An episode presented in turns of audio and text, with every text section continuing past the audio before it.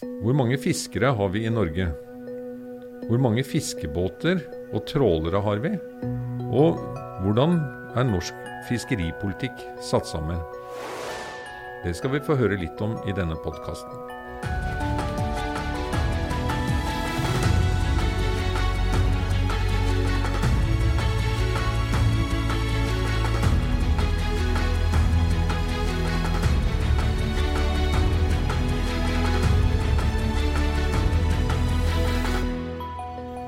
Hei og velkommen til denne podkasten Matnyttig forskning fra Nofima. Mitt navn er Øyvind Fylling Jensen, og jeg er administrerende direktør. I dag har jeg med meg divisjonsdirektør Magnar Pedersen, og vi skal snakke litt om fiskeri. Velkommen, Magnar. Takk for det. Det er jo sånn at Norge er et lite land befolkningsmessig, men vi er blant de ti største fiskerinasjonene. Og det hevdes jo ofte at Norge er den nest største eksportnasjonen for fiskeri i verden efter Kina. Det er jo En av utfordringene er at vi er store på fiskeri, men folk flest vet jo lite om hva egentlig denne fiskerisektoren er for noe. Og vi har som mål på denne korte podkasten å gi et lite overblikk over det som skjer. Ja, Vi skal rett og slett se på eh, hva er det som er de store linjene i fiskeriene i Norge, og sette dette i sammenheng med litt med verdi og volum og fisketyper. Så jeg starter rett på. Eh, verdien av alt som tas opp i eh, og fiskes i norske hav i året, er jo på over 20 milliarder kroner. Men hva er det som fiskes? Vi hører jo til stadighet om havbruk. og Hvordan står dette i forhold til fiskeriene? Ja, Når det gjelder fiskeriene, så er det jo veldig mange forskjellige fiskeslag det dreier seg om. Det er krabber og det er reker. Men det er fem fiskeslag som dominerer fullstendig i fiskeriene. Det er fiskeslagene torsk, hyse, sei, makrell og sild. De her fem fiskeslagene står for tre fjerdedeler av hele verdien av det norske fisket. Og, og, torsken den er kongen i det hele. Den utgjør en tredjedel av total verdi i, når det gjelder fiskeriene i Norge. Og som vi vet så er torskefiske veldig eh, viktig som hovedgrunnlaget for bosetning og aktivitet i kystdistriktene, spesielt i eh, Nord-Norge. Men du var inne på det med havbruk. Eh, havbruk eh, eh, Verdimessig er jo havbruk eh, mye større enn en fiskeriene. Men kvantumsmessig så er fiskeriene mye større enn havbruk. Akkurat. Så, så volumene er eh, omvendt, eh, hvis man kan si det så enkelt? Ja, omtrent. Det er 70-30 når det gjelder verdi til fordel havbruk, og det er omtrent motsatt når det gjelder kvantum. Og hvis vi ser på det fiskeriet som, der det største kvantumet, det er sildefiskeriene. Hvor vi har enorme kvanta, men verdien er ikke så høy pga. lavere pris. Ja. Skyldes lavere pris at det er mer volum, eller skyldes det andre faktorer? Det skyldes markedet. At, eh, at, markedet ikke vil betale mer for silda. Og de typer markedene som, eh, som silda ofte går i, er, er ikke så høyt betalende markedet. Nei. Og Det er jo store kvanta som eh, høstes av havet hvert år. altså Tall som jeg har sett, det viser jo at vi snakker om opp mot 2,5 milliarder kilo. Og når vi ser på produksjonen av eh, svin, kylling, storfe og sau, så er det jo mange ganger større. Eh, så dette her er jo viktig, men med smått og stort, hvor mange båter er det som er inne i dette fiskeriet? Ja, det er veldig mange båter. Sånn, la oss si 5000-6000 båter som fisker på de her eh, kvoten på de fiskeslagene som vi snakker om. Eh, men eh, det er veldig varierende. Det er jo noen veldig store båter, og det er veldig mange små båter eh, som er i fiskeriene. Og så har vi også delt fiskeriene inn i, i de mer åpne fiskeriene, hvor hvis du er fisker kan delta uten å, å, å ha noen spesielle kvoter og rettigheter. Og så er det de lukka fiskeriene som er de store fiskeriene i Norge. Der du der du eh, blir tildelt i kvoter, og det er ikke mulig å komme inn hvis du ikke kjøper deg inn, kjøper en båt og en kvote.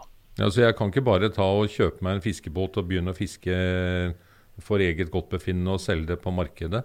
Nei, det kan du ikke. Det er mange årsaker til det. For det første så, så, er det ikke lov å selge fisk eh, på en fiskehall hvis du ikke har eh, nødvendig godkjenning til, til, til stede. Da. Eh, og ellers så må du, for å fiske på, på den norske kvoten, så må du være i fiskermanntallet. Du må være fisker, rett og slett. Og så er det en, en vei å komme seg til å bli fisker da.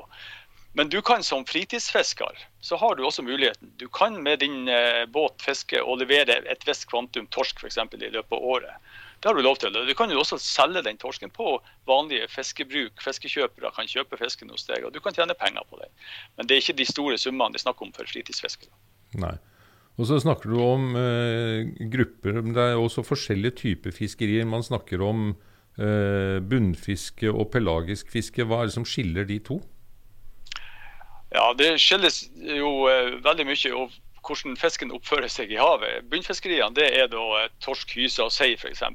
Og en del andre fiskeslag. Pelagiske fiskerier det er fisk som svømmer eh, i, oppi verdi, i, i havsøyla. Og det er sånn som sild og makrell. og så det er de pelagiske fiskeriene. Ja, Så stimfisk, hvis man kan eh, eksempel, ja. så det så, si det så enkelt? Ja. Men eh, du var inne på dette med kvoter. og Hvordan fordeles eh, de kvotene? Eh, det er jo sånn at Norge forhandler seg stort sett fram til kvoter fordi at vi deler bestandene med andre land. Og Hvis vi tar torsken, torskekvoten, så forhandler vi med Russland om totale kvoter på torsk. Og Når vi har forhandla oss ferdig med det, så får Norge en viss andel av kvoten. Og De kvotene fordeles da ned på hver enkelt båt eller gruppe. Eh, det finnes spesialordninger for tildeling av kvote, men hoveddelen er rimelig fast når det gjelder fordeling mellom ulike fartøy og fartøygrupper. Det er litt komplisert, men det store bildet er forholdsvis enkelt og oversiktlig. Ja, og Når du sier fartøygrupper, er det da hvor store båten er, eller eh, hvor de fisker? Ja, nei, Først i bunnfiskeriene, da, torsk, hyse og sei, så gjør man først en fordeling i to. Det ene er til store havgående trålere, og det andre er til en stor og uensartet gruppe som fisker med andre redskaper enn trål. De fisker med f.eks. garn, line, snurver eller jukser. Uh, trålerne består av litt over 30 store båter. 30? De har, ja. Er det ikke mange som tror at det er mange tusen trålere? Ja, Det var gjort et, en spørreundersøkelse i østlandsområdet for noen år siden av norsk fiskerinæring. tidsskriftet Norsk fiskerinæring. Og Da eh, kom det fram at eh, mange trodde at det var enorme mengder med trålere som var ute i havet og, og, og fiska. Men det er altså bare litt over 30 trålere som er det. Og, men, men, de har tross alt 30% av, av eh, bunnfiskkvoten. Litt over det. Ja.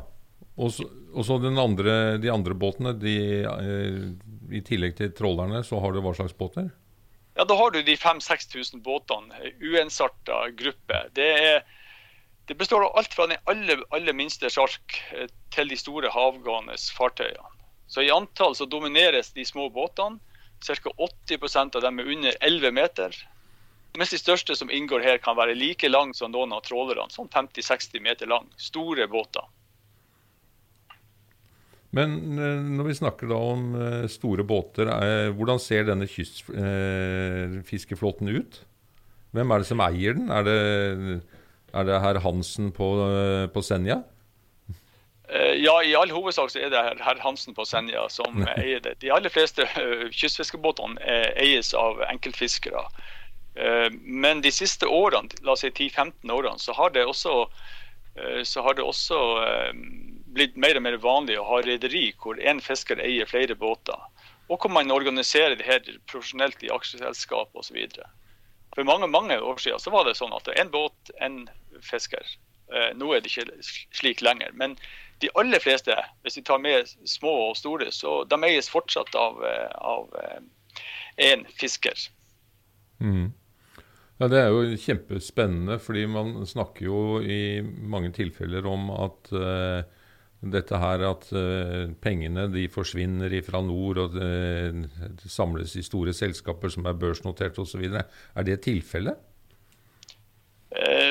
Nei, det, det, er vanskelig å si sånn uten å utdype det veldig mye. Men Men at det skjer en konsolidering i næringa, og hvor du får mer og mer profesjonelle aktører inn, det er ikke noe tvil om. at det, Kvoten eies på stadig færre hender.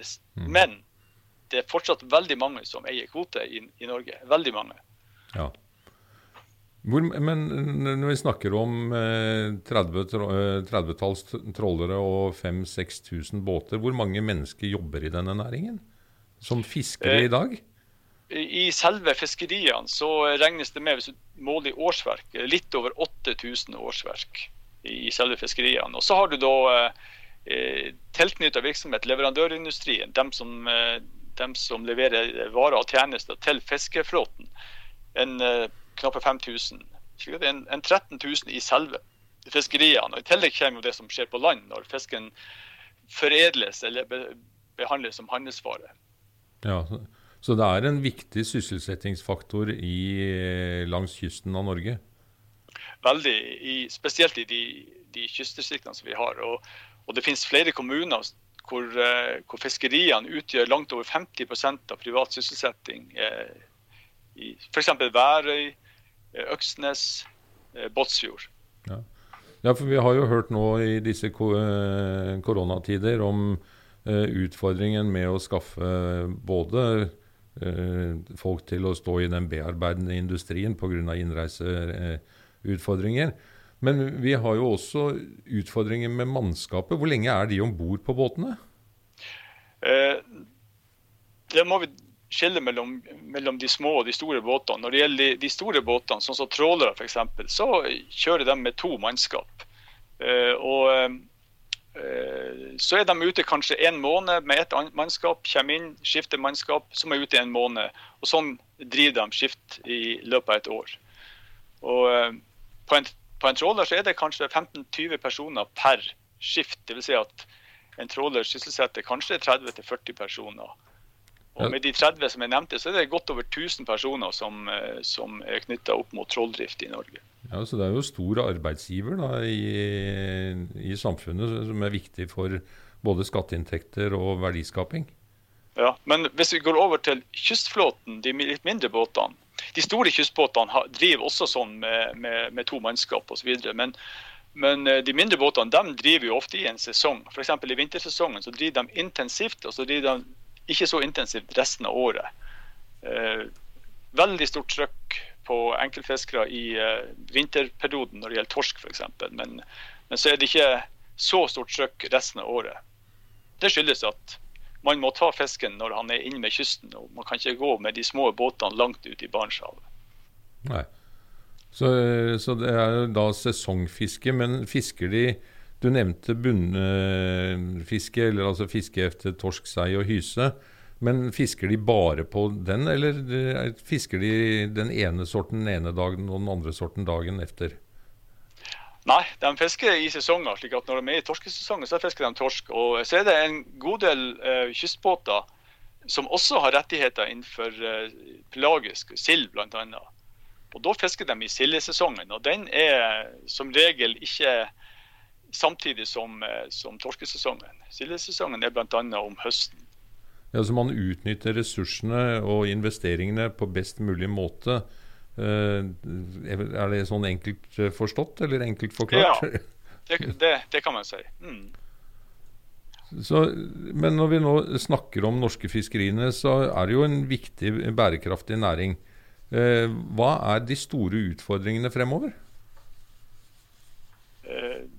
ja, De store utfordringene det er jo det, det spørs hvordan du ser på det. I, i debattene så er det jo de politiske utfordringene, fordeling av ressurser, som er de store utfordringene. Og som jeg regner med kommer til å dominere valgkampen til stortingsvalget nå. Eh, ellers er det jo i fiskeriene som ellers, det er, jo, eh, det er jo bærekraftighet når det gjelder klimautslipp. Flåten forbruker jo drivstoff, og store båter forbruker mer enn små båter. Og eh, Senest i går så var det et innlegg fra Fiskebåt, som organiserer de store båtene, om at eh, de nye avgiftene som regjeringa eh, har lansert i klimameldinga, de kommer til å ta livet av villfisknæringa. Fordi at det blir så kostbart å drive fiske med, med, med, med drivstoffforbruk som er ganske høyt.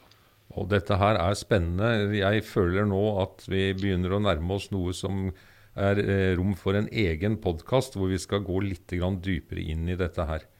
Noen sånn helt på tampen, Magnar, er det noe budskap du har lyst til å overbringe? Jeg, tenkte på dette med rekruttering av fiskere. Eh, det er jo en uh, utfordring. Men har du noen sånn siste kommentarer? Nei, altså Rekruttering er jo en utfordring, men samtidig så, så, har lønnsomheten i fiskeflåten de siste årene vært så god at det faktisk er veldig mange som er interessert i å komme inn. Det er ikke så stor utfordring lenger.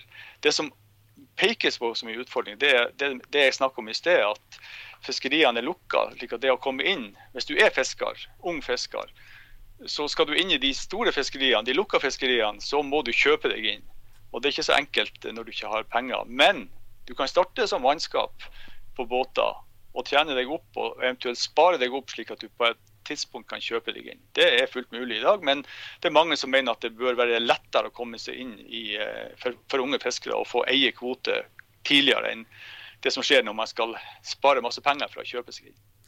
Ja, og der er vi jo inne på et annet spennende tema, nemlig ressursforvaltning og kvotefordeling. Og det at eh, FAO sier at 90 eh, av fisken er overfisket og reguleringer er nødvendig. Men det får vi ikke tid til i denne podkasten. Eh, tusen takk for at du ville høre på. Vi kommer tilbake med mer spennende rundt fiskeripolitikk.